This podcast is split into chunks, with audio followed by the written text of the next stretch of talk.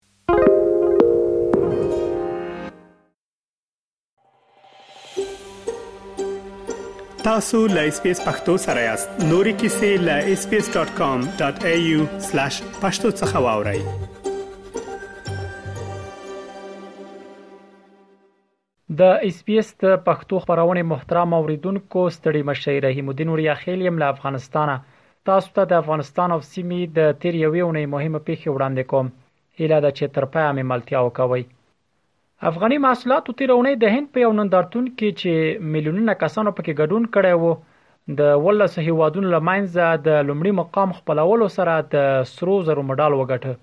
په نوي ډهلي کې د افغانستان سفارت وویل په دغه نندارتون کې د هند بیلابیلو ایالتونو ترڅنګ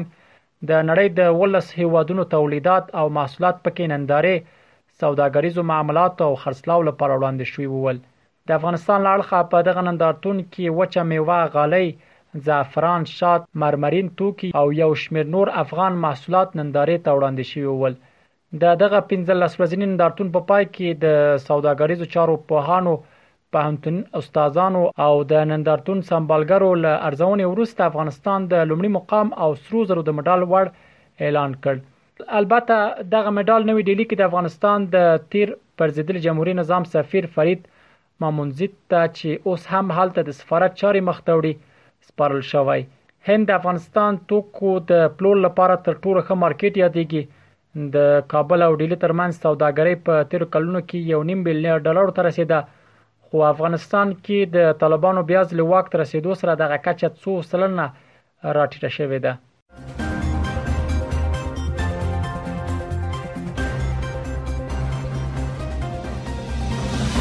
افغان کرکټ بورډ تیرونی له متحده عربی اماراتو سره داسې یو هوکړه ته ورسید چې لمخې به افغانستان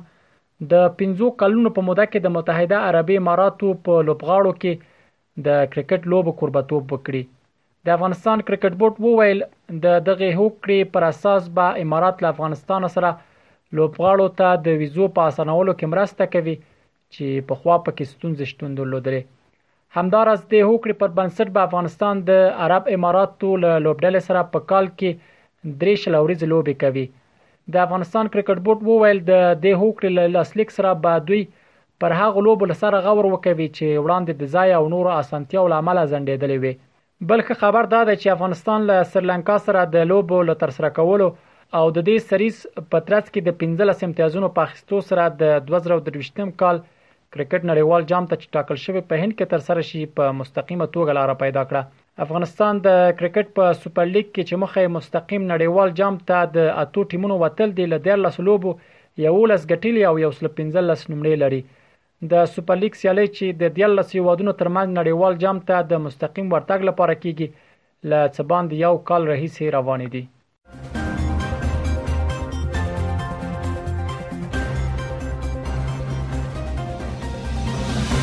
په بهرنی چارو وزارت کې د پاکستان د دولت وزیر حنا ربانی ګهر تیرونې د یو پلاوی په ملتیا کابل ته راغلی و او طالب چارواکو سره وکتل حنا رباني د خپل دې یو ورځني سفر پر مهال د طالبانو د بهرنیو چارو له سرپرست وزیر امیر خان متقي او د طالبانو د حکومت د رئیس الوزرا له مرستیال عبدالسلام حنفي سره لیده کاته وکړل. په دغه لیده کاته کې دواړو طرفونو په دوه اړخیزې سوداګرۍ او د دواړو هیوادونو د خلکو ترمنځ د همکاریو په ټینګښت خبرې وکړې. په داسې حال کې چې د دواړو هیوادونو ترمنځ پر ډیرو مهمو مسایلو خبرې وشوې، خو کابل ته د حنا رباني سفر پر ټولنیزو شبکو د افغانانو له غبرګونونو سره مل وو ګڼ شمیر افغانانو د میرمن حنا ربانی د سفر ته په غبرګون کې لیکلی وو چې ولې طالبانو له پاکستاني ډیپلوماټ سره وکتل او خبرې ورسره وکړې خو په افغانستان کې پر خوځ او انجونو محدودیتونه لګولي دوی دا هم لیکلي ول چې هنا ربانی ګهر د یو هیواد په استازولۍ کابل ته راځي خو افغان جونې په کور کې نیول شوی طالبانو داسې مهال له یو پاکستاني لوړپوړي چارواکي سره وکتل چې په کوردننه افغانستان کې د افغان ښځینه سیاستوالو فعالیت بند کړی ترڅنګ یې په ټولنیزو چارو کې د ښځو د ګډون مخه نیولې او له شپږم ټولګي پورته د نجونو ښوونځي هم تړلې دي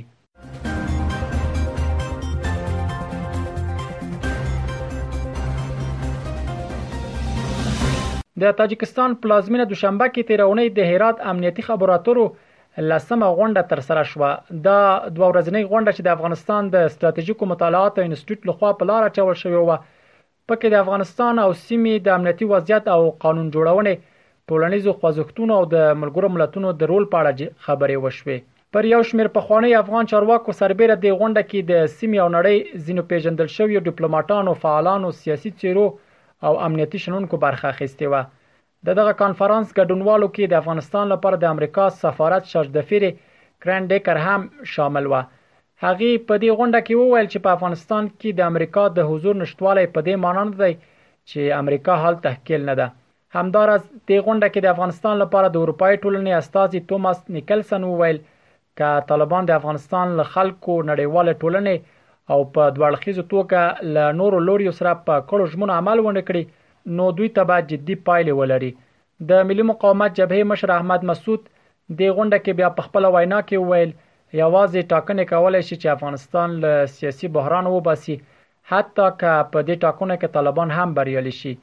د طالبانو کوم استازي په دغه غونډه کې ګډون نه وکړی او نه هم هلته شویو بحثونو ته کوم خبرګون ښکارا کړ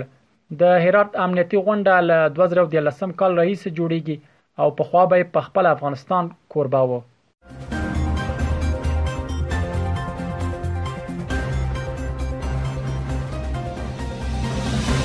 د دې اونۍ د پای موضوع هم دا چې وسلوالو طالبانو په افغانستان کې د رسنیو پر وړاندې د محدودیتونو پر دوام تیر اونۍ د ازادي او امریکا غږ آشنا رادیوګانو نشرات بند کړل طالبان وویل چې دغه پریکړه د دغه رادیوګانو د پروګرامونو او محتوا په اړه د ترلاسه شویو شکایتونو پر اساس کړې ده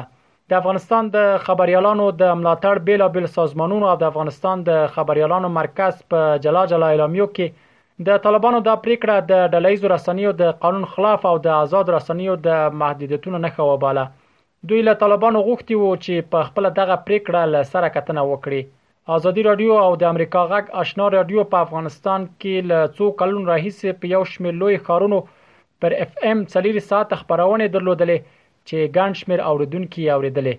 طالبانو افغانستان کې بیا ځلې واک ته رسیدو وروسته د نورو مدني ازادیو ترڅنګ د بیان او خلکو د ازادو معلوماتو د رسیدو د محدودولو لپاره پرله پسې ګامونه اخیستي دي. د بې پولو خبریالانو د معلوماتو له مخې د طالبانو له واک ته رسیدو وروسته